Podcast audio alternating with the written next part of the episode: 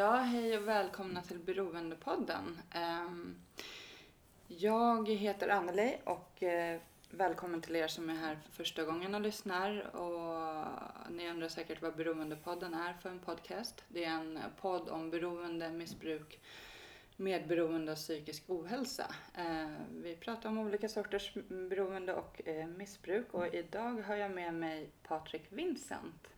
Och eh, vi ska prata om internet och dataspelsmissbruk. Eh, välkommen hit. Tack. Eller tack för att jag får komma till dig. Just det, du är hemma hos mig nu ja. ja, Mm, tack. men eh, tack för att jag får göra en intervju med dig. Mm, tack för att jag blev tillfrågad. Mm. Du är grundare till internetakuten och dataspelsakuten och eh, även terapeut, terapeut, terapeut, jag kan aldrig uttala detta ord, författare och föreläsare. Mm, stämmer. Mm. Ja, Jag eh, har ju mm, bett om att få intervjua dig för att det här är ett väldigt intressant ämne. Eh, och eh, vad jag förstår som så finns det ju också en anledning och bakgrund till varför du jobbar med just det här. Eh, och jag är lite nyfiken på att höra vem du är. För många har ju sett dig i media och hört dig föreläsa. Så här, men hur kommer det sig att du hamnade med det här? Ja alltså jag är passionerad för dataspel och skärmteknologi. Dels för att jag tycker att det är verkligen en fantastisk värld och att eh, det finns så mycket gott och fina saker. Men jag själv har varit i ett problematiskt beteende, det vill säga att jag spelar för mycket dataspel. Eh, dels är jag uppvuxen med den tidiga spelen. Alltså Atari, Commodore 64. Alltså på den tiden när det tog 40 minuter för att ladda upp ett spel. Eller arkadhallar när man satt där i dagar och stoppade in fem kronor och försökte fiska upp fem kronorna för att du ville spela fler gånger och sådär. Så att jag har alltid haft en väldigt stark fascination. Men sen så på grund av bakomliggande sociala problem, så här, skilsmässa, eh, miljö och busiga polare som man hängde med så, så flydde jag in i dataspelsvärlden i högstadiet innan alkoholen kom in i bilden. Och det hjälpte mig för att på något sätt komma, komma bort från mina känslor, och tankar och så. Sen när alkoholen kom in i bilden så var det ju så pass mycket mer större effekt för mig så jag använde det. Och, eh, ja, drack mycket och sen så hamnade jag i ett popband och släppte skivor och turnerade runt världen och då blev det mer alltså, nästan legalt att kunna få möjligheten att dricka på daglig basis. Så, så jag, det, det fanns en acceptans i det. Eh, så det pågick länge i alla fall. En lång, lång historia. Men, men när jag väl kände liksom att alkoholen inte fungerar för mig och slutade med det. Eh, och jag påbörjade liksom 12-stegsprogram, jag påbörjade terapeutisk hjälp. Så i början så var känslorna så pass intensiva när jag slutade med alkoholen så att jag tog till mig faktiskt dataspelen återigen. Men nu var det en helt annan ny värld eftersom internet fanns ju nu. Så att då fanns det ju de här ändlösa spelen som, som Counter-Strike och GTA och så här. Så de spelen spelar jag väldigt mycket och det hjälpte mig också. eh, Det beteendet att psykoaktivt eh, fly från mina känslor. Mm. Men allt eftersom eh, och sen terapin så lärde jag mig att mer och mer kunna hantera mina känslor. Jag behövde inte fly liksom, utan jag frigjorde och läkte mina, vad ska man säga, sår och trauman och, och jag kunde liksom få nya värderingar och stå på mina ben. Så jag behövde inte liksom fly från spel längre. Så idag känner jag och upplever att jag har ett mer hälsosamt förhållningssätt till spel. Där jag kan njuta av det men det finns inga tvångsmässiga liksom beteenden där och, och så. Utan det var mer för att livet var för tufft och jag använde just där och då spel och, och, och, och idag så behöver jag inte det. Men hur kan du se ut när du spelar? Alltså, På den tiden så jobbade jag på, på en tv-kanal och hade väldigt mycket pengar liksom. Tjänade bra och var framgångsrik där och sådär. Men spelen för mig, alltså när, alltid när jag kommer hem så var spelen som en slags tillflykt. Det var som en skön avslappning. Och du vet, blev du duktig på någonting så blev det som om att jag blev krokad. Utan jag ville bli ännu bättre och nå ännu fler banor och högre upp och få mer poäng och få mer bekräftelse. Så att timmarna bara försvann. Det kändes som att det kanske var en halvtimme, några minuter liksom. Men Det kunde gå 3, 4, 5, 6, 8 timmar. Och jag var uppe till 3, 4 på natten och skulle vakna 7. Så det är inte många timmar man sover. Det är klart att det funkar några dagar, ja kanske några veckor, till och med kanske några månader. Men du vet, till slut så var ju min kropp helt slut. Jag var helt utmattad. Så för mig så kom jag till en punkt där jag började sova nästan på jobbet och missade arbetsuppgifter, missade viktiga affärsuppgörelser som, som påverkade min lön och jag sjukskrev mig för att jag hade vänt på dygnet totalt. Så att det blev ju konsekvenser uh, i mitt beteende som jag var tvungen att liksom titta närmare på.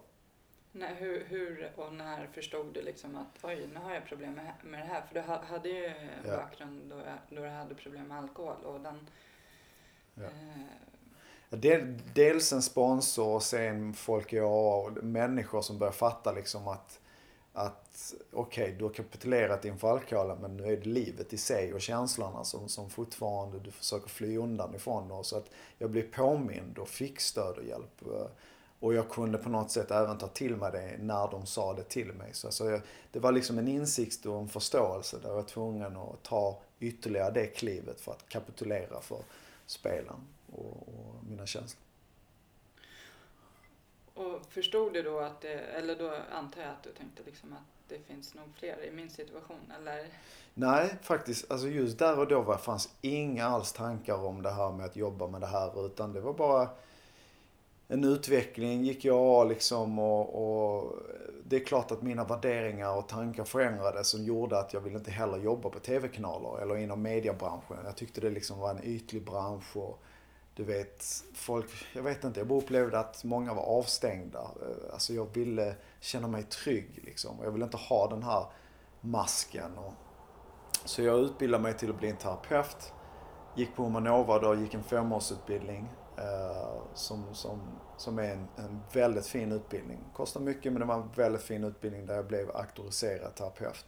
Och under tiden så ville jag jobba med människor. Jag ville ändra arbetsplats. Eh, som ledde till att jag blev coach och sen så började jag jobba för Ljung och Sjöberg där jag jobbade med alkohol och läkemedel, narkotikaproblematik på arbetsplatser och föreläste. Och det var inte förrän där som jag märkte att det här är någonting som jag vill jobba med. Just för att jag är pappa till en pojke och jag började märka där att han började få ett problematiskt beteende där han ville sluta med allt annat och det enda som var viktigt var spelandet. Och, eh, och, jag, och, vi visste inte som föräldrar vad vi skulle göra så där började jag så sakta söka information på nätet och det fanns en massa böcker som jag började köpa. Tog kontakt med vissa psykologer som hade jobbat med den här problematiken länge och byggde broar och hade Skype-sessioner och sådär. Och, och där började jag fatta att, ja men gud, det här är ju verkligen ett problem. Mm. Och det är inte många som uppmärksammar det här. Alltså jag tyckte det kändes så spännande att eh, starta igång det företaget som då idag heter Dataspelsakuten. Och eh, så fort jag registrerade det så var det ju någon journalist som var intresserad och efter det så var det som om att det bara exploderade. Föräldrar ringde in, det kom föreläsning, förfrågningar och jag fattade att det fanns en marknad liksom. Samtidigt som att det var ett väldigt ungt problem. Det är ett pionjärarbete. Fast egentligen bara då i Sverige. Utan man såg ju att det här, den första boken om internetberoende problematik kom ut redan 1998 till exempel. Och 91 kom internet. Så att det har ju funnits där ute och kinesiska regeringar hade gjort jättemycket. Men, men för mig och i Sverige så, så var vi alltså ensamma med att på något sätt angripa det här problemet tidigt. Mm. Uh, vilket också var spännande liksom, för det fanns så mycket att lära sig också. Så det har varit en process. Men det är väl en av skälen till att jag känner passionerat att jag gjorde en koppling till att jag kan ju själv väldigt mycket om dataspel. Jag har själv varit i problematiskt beteende. Samtidigt som jag är pappa till en, en pojke som också uppvisade de här uh, bitarna av konsekvenser som fanns då när det gäller, ja, vi pratar ofta som sociala, fysiska och mentala. Och ja, det är väl ungefär så. Mm. Men så då är, då är det många som hör av sig till dig och vill ha hjälp. Vad, vad får de?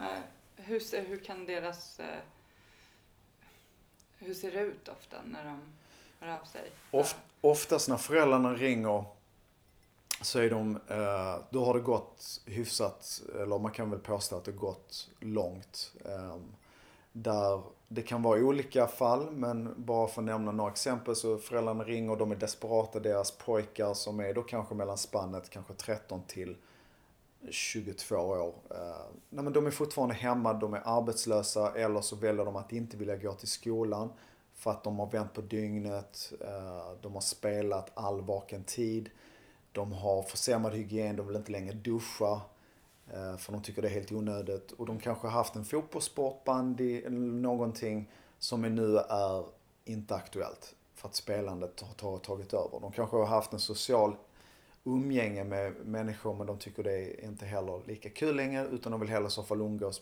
bara framför skärmarna. Eh, så de är stillasittande, de har ökat i vikt eller så är de pinsmala. Det är energidrycker, det är väldigt mycket choklad och väldigt snabba kolhydrater. Man äter mat i sitt rum och liknande. Så när de typer av konsekvenser dyker upp, då ringer de till oss och då vet de inte vad de ska göra. Och då känner de, känner de oftast att de har förlorat föräldrakontrollen. För att då kanske det också är en tonåring som har börjat uppvisa kanske aggressiva tendenser och börjar attackera föräldrarna och liknande. Så de vet inte vad de ska göra. Så då brukar de ringa till oss. Det blir ett rådgivningsmöte, vi tittar på problematik, kanske också blir som ett nästa steg en intervention att man träffar pojken på hemmaplan. Att vi åker ut till dem och faktiskt bemöter honom där på plats. Ehm, traditionellt interventionsmöte, precis som man gör med andra typer med alkohol och liknande. Med någon som kanske är någon typ av förnekelse, vill inte se att det finns en problematik. Så försöker vi hitta verktyg för att kunna nå någon typ av sårbarhet eller en, en, en insikt att de börjar förstå att eh, det kanske finns ett problematiskt beteende. Och att därefter så kan man titta på andra alternativ för att hitta liksom en balans. Så vi på Dataspelsakuten oftast pratar aldrig om total avhållsamhet. Precis som man kanske gör med alkohol, och narkotika och läkemedel. Utan vi pratar om att hitta någon typ av balans. Precis som med mat. Vi kan inte äta mat hela tiden, dygnet runt heller. Liksom. Men vi kan inte heller vara utan mat. Utan vi måste hitta ett sunt förhållningssätt. Och det är samma sak här med teknik och dataspel och liknande. Att hitta ett förhållningssätt eh, som bygger sig på föräldraskap, ett bra föräldraskap och sen också att titta på beteenden hos barnet som kan ha bakomliggande sociala problem. Absolut. Och det kan också ha belöningssystem i spelen som är också en faktor. Och det kan också ha en identitetskänsla som man oftast får i spel. Som byggs på psykologiska lagar. Mm. Men hur är spelen uppbyggda? För de är ju uppbyggda för att du ska fortsätta spela. Ja, det, det... det är ju så. Eh, speltillverkare oftast eh, anlitar de bästa psykologerna runt om i världen för att kunna skapa raffinerade rankningssystem och eh, belöningssystem för att hitta det bästa sättet. För att en speltillverkare självfallet vill ju att du ska spela just deras spel och då måste man hitta typ olika strategier för det. Och då använder man sig utav psykologiska lagar och den främsta är det som vi kallar för det undvikande beteende. Alltså att man vill undvika till exempel i spel att bli dödad, alltså din karaktär eller ditt lag eller liknande. Och för att göra en jämförelse med det så har man gjort experiment med möss. Där mössen fick springa ett hjul och så fanns det metallplatta. Och eh, när mössen springer på den här metallplattan så får de en elektrisk stöt. Men på vänster sida så finns det en spak och om mössen rör vid den spaken så undviker man att få den här elektriska stöten. Så mössen lär sig ett undvikande beteende, att inte röra vid spaken för mycket och inte för lite, utan precis lagom för att undvika att få den här stöten. Så det är alltså ett undvikande beteende. Och det är precis samma sak i dataspel. Det är också undvikande beteende hela tiden. Det vill säga, du investerar en massa timmar på ett spel. Låt oss säga LOL. Att du når kanske högt upp. Det finns olika nivåer. Men låt oss säga att du är på Platinum-nivå, vilket är högt uppe. Då måste du investera många timmar. Men är det så att du inte är där uppkopplad ett visst antal timmar, ett visst antal dagar, då kommer du falla ner i rankingen. Det är alltså ett straffsystem. Så det är också ett undvikande beteende. Den här gamern kommer ju se till att vara uppkopplad bara för att bibehålla sin status quo. Och vill då den spelaren investera eller klättra ännu mer, ja men då måste ju den spelaren investera ännu mer timmar. Ehm, så det finns olika system för att behålla dem. Oftast när man också spelar ett nytt spel så får man oftast en känsla av att man blir invaggad i ett spel. Ehm, att det händer väldigt mycket i början när man öppnar ett konto. Du avancerar dig väldigt snabbt. Du klättrar upp massa olika levels. Eh, du får massa karaktärsegenskaper, du får massa poäng. Eh, så du får oftast en känsla av, ah men gud, jag är ju superduktig på det här. Det här är verkligen någonting som jag tycker om och den här karaktären börjar avancera sig. Du börjar fästa någon typ av identitet. Eh, så du klättrar, du levlar upp dig tills du kommer till en platå. Och där stannar det. Det vill säga att därefter så kommer det ta betydligt mycket längre tid för dig att avancera dig. Eh, men det gör inget för att du som, alltså, du som spelare, som gamer, har nu lagt så många timmar på din avatar att du har skapat en identitet. Du tycker om den personen, du tycker om avataren, du tycker om spelet som gör att du köper att det kommer nu kanske ta betydligt mycket mer tid för att klättra. Du vill investera ännu mer tid för att det är värt det. Och det vet ofta speltillverkarna. Så det är också en krok för att kunna fästa en gamer liksom i olika typer av spel. Och, och, när det gäller spel idag så pratar vi om MMO. Det vill säga Multi-Massively Player Online. Som är de här spelen som ofta är då ändlösa. Som är möjlighet att du kan koppla upp dig på nätet och spela med tusentals andra spelare. Mm. Strategiska spel, du har gildar, klaner. Du måste liksom vara uppkopplad med vissa av dina kompisar. Eller lagkamrater. Vissa dagar i veckan. Vissa tider som gör att det blir det blir mer som ett jobb. Mm. För att du måste vara där, för att de litar på dig. Du kanske är liksom en ledare. Så de litar på att du är där och du har ett ansvar.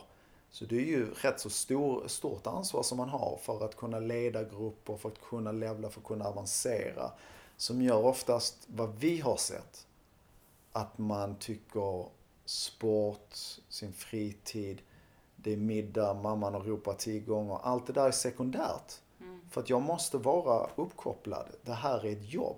Det är inte längre bara att spela, jag kan bara kanske fullt ut bara pausa och stänga av när jag vill. Utan jag är tvingad. Jag, jag måste vara uppkopplad med min guildklan. Jag måste vara uppkopplad vissa antal timmar för att inte falla ner i min rankning och liknande. Så det är det vi ser. Vi ser liksom starka krokar som gör att de, de fastnar.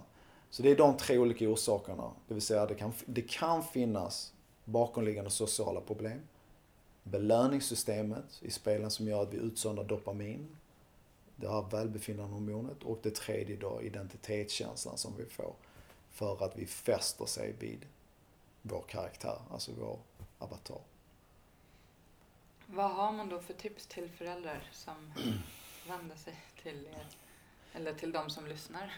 ja, det är väldigt olika. Det, det gäller självfallet att titta individuellt och vi ser oftast att jag menar, vi har en sanning, det finns många sanningar. Mm. Men det som vi kan säga att vi generellt jobbar med är ju traditionell terapi.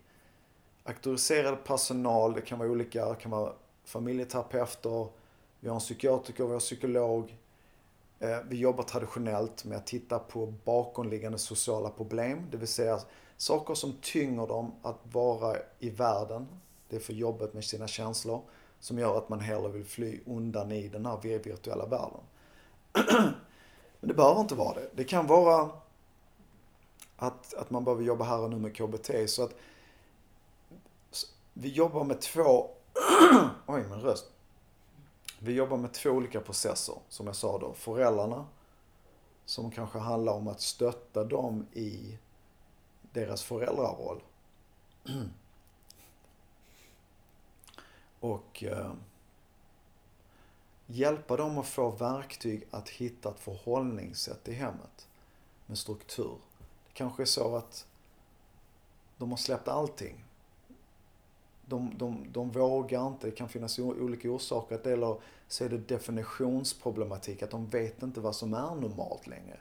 För deras grannars barn kanske agerar likadant eller vad det nu är. Så de behöver hjälp med det här med skärmtid. Vad inkluderar det? Är det mobilen? Är det plattorna och allt det här? Så vi hjälper föräldrarna i det. Att uh, sätta en struktur. Vilka regler ska gälla i hemmet är väl oftast en bra förutsättning som man kan rekommendera till föräldrarna. Att de faktiskt kan skriva ett kontrakt till sina barn eller för alla. Att det ska gälla liksom för alla i den fa fa familjen. Och uh, ja, vad kan det vara för tips? Det kan vara då kontraktet som gör att reglerna skulle kunna vara en viss tid så ska man lägga sig. Mm. Typ en timme innan läggdags så ska man stänga av all, all skärmtid. Man kanske har en regel att inte ha teknik i sitt sovrum. Mm. Kan också vara ett bra tips. För oftast är det liksom mobilen som de vill titta på som är det sista som man gör. Ehm, det kan vara att, att vid måltiderna så ska man inte ha någon teknik när man umgås tillsammans. Ehm, så det finns ju olika saker som, som föräldrarna behöver hitta förhållningssätt och då kanske ett kontrakt är bra. Men också de förhållningssätten som man vill ska vara i hemmet. Men också kanske konsekvenser. Det vill säga, ja men om inte de här reglerna efterföljs, ja men då kan, kan det vara bra att men vet du vad, då kanske du förlorar några timmars speltid liksom. För vi vill ju ändå att vi tillsammans inom familjen ska följa vissa strukturer och vissa saker. Eh, så det är ingen, ja, och även belöningssystem. Att är det så att man hjälper till med reglerna och liknande, så ja men då kan man självfallet också bli belönad. Och, mm. och... Vad tycker man om skärm, alltså hur mycket skärmtid är sunt eller vad man Det där är också olika. Vissa, vissa tycker liksom att innehållet är det som är det viktiga eh, snarare än att titta på skärmtid. För jag menar en dator kan man använda för att plugga alltså sina skoluppgifter. Mm. Man kan ju skapa musik. Mm. Man kan använda bildprogram och måla och mm. liksom så här. Så att självfallet Mer speltid. In, ja precis. Innehållet är viktigt att titta på. Mm. Men om vi tänker speltid i form av rent nöjesmässigt, liksom den aktiviteten. Då, då, tycker vi liksom att 20 timmar i veckan, någonstans där. Plus minus något, det är ingen större grej men nå, nå, någonstans där man ligger tre timmar per dag. Mm. När det gäller spel, spel, spel. Så. För att jag menar, sen så vill man ju säkert ha andra saker också. Kanske youtuba, man vill kolla på någon serie, man kanske behöver plugga. Alltså vi har ju vakna timmar på ett dygn. Så vi måste se liksom, vi har den potten, vad ska vi göra? Och är det så att vi spelar 8-10 timmar, ja men då kommer vi inte kunna röra på oss och träna. Vi kommer kanske inte hinna plugga och socialisera, göra de, de bitarna. Så det blir en konsekvens på grund av att det blir övervikt på det ena hållet. Som, som, som gör att vissa fastnar och vissa så kan det bli negativt. Medan för andra så kanske det inte är det. Det är också väldigt individuellt.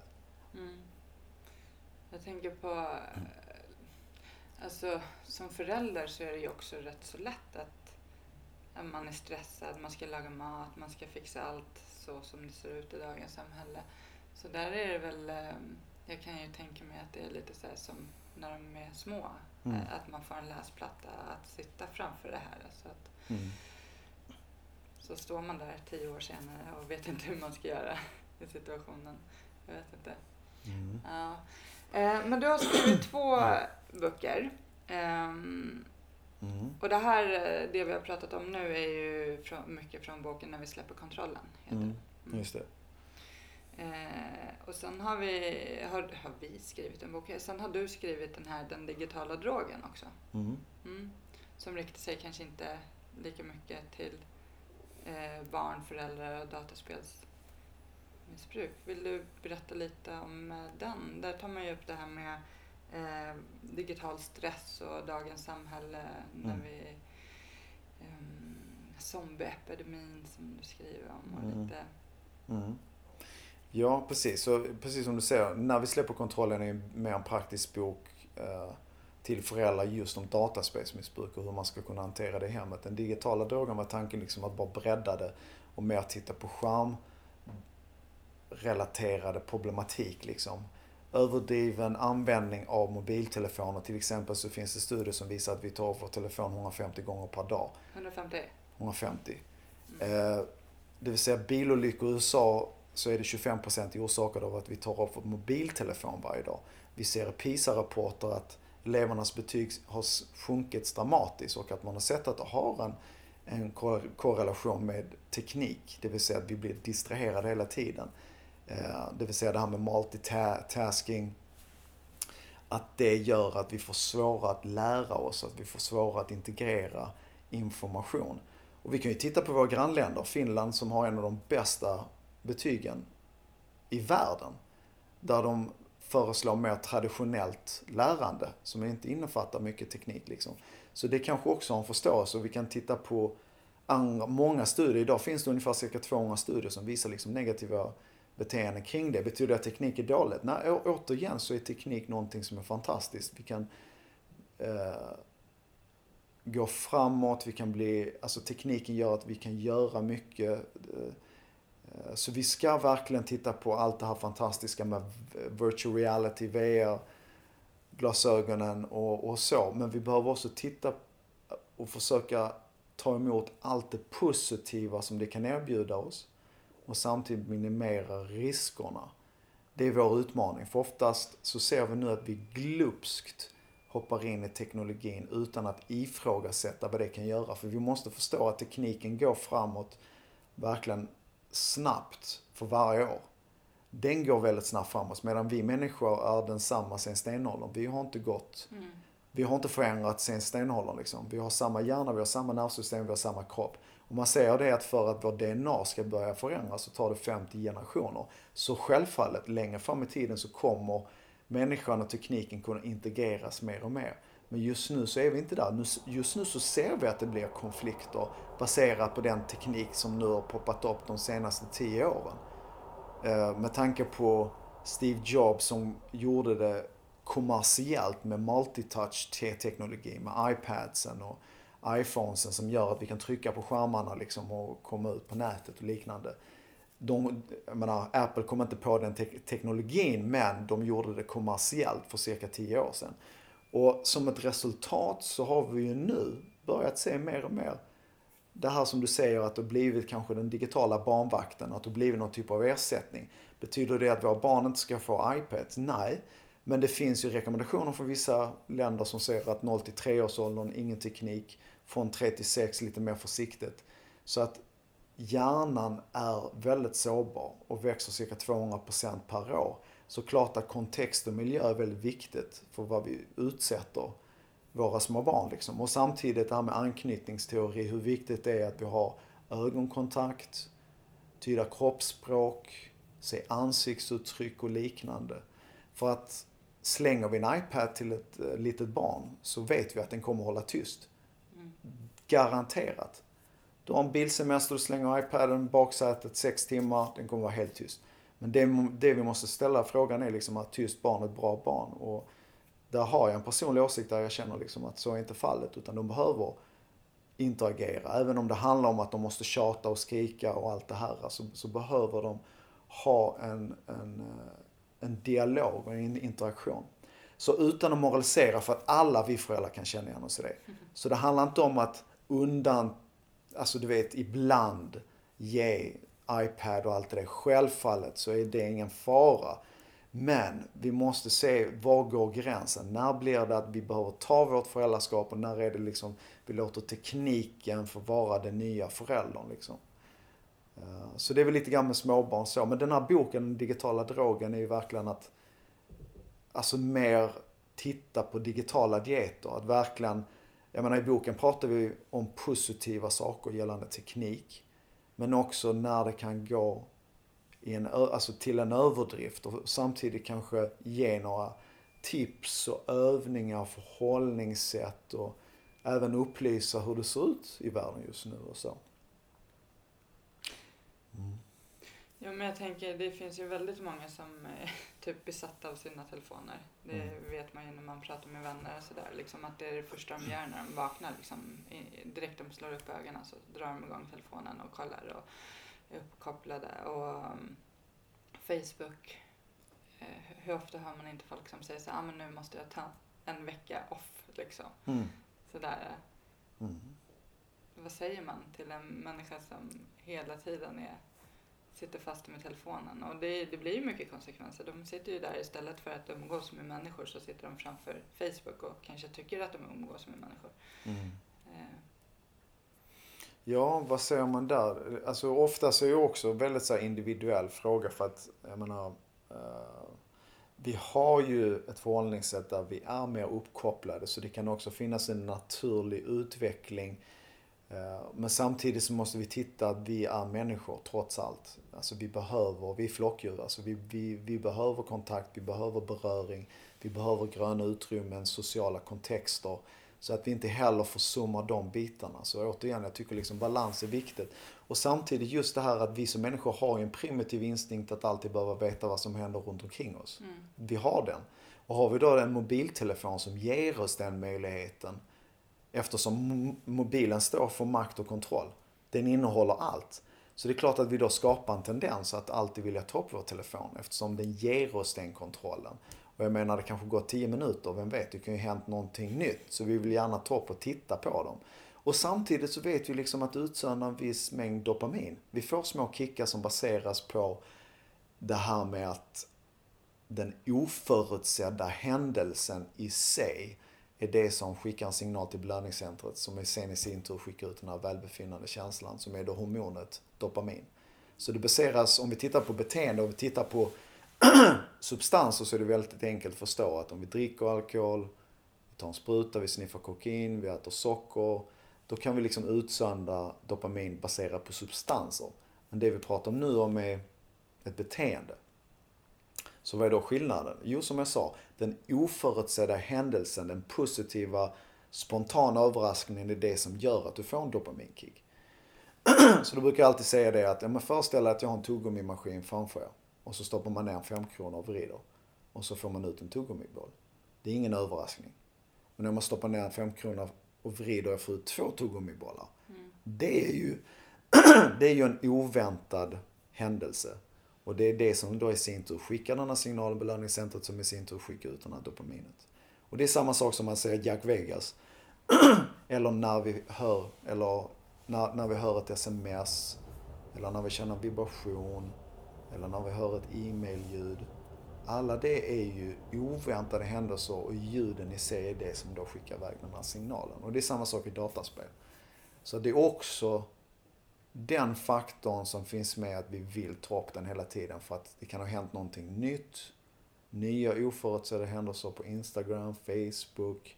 Jag la upp en bild för en timme sedan, men vem vet? Jag vill gärna checka av hur många som har gillat den. Och alla de som har gillat den är ju för mig en oväntad företeelse. Mm. Så det är väl det beteende som vi ser nu att eh, vi är mer uppkopplade och var och en får ju avgöra om det är ett problem. Det kanske är så att man är uppkopplad hela tiden men man mår jättebra. Ja men då får det ju vara så. Så det är inte förrän det är ett problem som det är ett problem. Och då får man titta i så fall i deras liv. Vad är det som, som är konsekvenser? De som kommer till oss kanske har varit med om trafikolyckor och de känner verkligen att de inte kan låta bli att ta upp sin telefon för att de, de krockar med sina bilar och liknande. Då måste man ju titta på det. Hur ska vi kunna bryta det tvångsmässiga beteendet som just den personen har? Mm. Jag hade en kille för några år sedan som trillade ner på ett tunnelbanespår. Och det var två minuter tills tåget skulle komma. För att den personen var helt avskärmad. Man använder ju en fjärdedel av sitt synfält. Mm.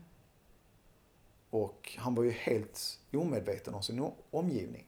Så han är ju det som jag skämtsamt lite grann kallar det här med mobilgående zombies. Vi går med vår telefon, krockar in i stolpar, väggar, trillar ner tunnelbanespår utan att förstå att det kan vara också en fara liksom.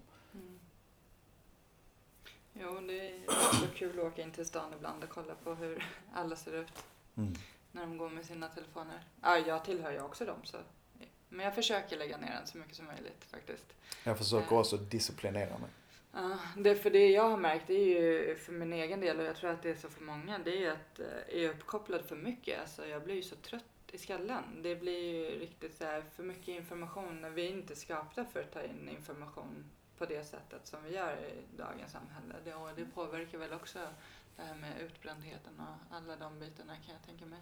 Mm. Ja, hjärnforskare säger ju också att mobilen i sig är det som gör att vi nu reagerar mer och mer som katter. Du vet när en katt hör ett plötsligt ljud eller ser en plötslig rörelse så twitchar de med sina krappor, eller kroppar och hoppar till ordentligt. Mm. Och vi människor gör ju det också. Så fort vi har ett sms, en vibration, en e-mailljud. Vi liksom twitchar med hela vår kropp. Mm. Och de har sett, då har hjärnforskare sett att man utsöndrar adrenalin och kortisol. Som mm. är då stresshormoner. Mm. Så alla de här tillfällena när vi blir avbrutna är det som skapar stress i oss. Mm. Så det är också viktigt att, att titta på hur kan vi på något sätt arbeta för inlärningsproblematik som du säger. Jag menar det är ju ett scrollsamhälle som vi lever i nu. Där vi blir så bombarderad med information att vi måste sortera bort det. Mm. För vi kan ju inte ta in allting så, så nu måste vi sortera bort det vilket man har sett att den yngre generationen har ett uppmärksamhetsspann på 8 sekunder. Där man har sett att en guldfisk har ett uppmärksamhetsspann på 9 sekunder. En sekund mer än, än den yngre generationen. Mm. Så för att man ska fånga den här yngre generationens uppmärksamhet så har man 8 sekunder på sig. Annars så kommer de att sortera bort informationen. För att de har ju lärt sig det beteendet. Mm. Det, är det, det, det är det som vi ser liksom nu. Mm. Så om man vill komma i kontakt med dig, er, eh, vart eh, hittar man hemsidan? Ja, dataspelsakuten.se alternativt internetakuten.com alternativ patrikvinsen.se och mm. där står det liksom våra tjänster och då är det föreläsningar, utbildningar där målgrupperna är då föräldrar, elever eller socialarbetare. Eh, och även böckerna om man är intresserad av att köpa de här två böckerna, Den digitala drogen eller När vi släpper kontrollen. Och sen då behandlingsprogrammen finns, finns också möjlighet att komma till oss på rådgivning och titta närmare om man då upplever att det finns en, eh, ett problem. Mm.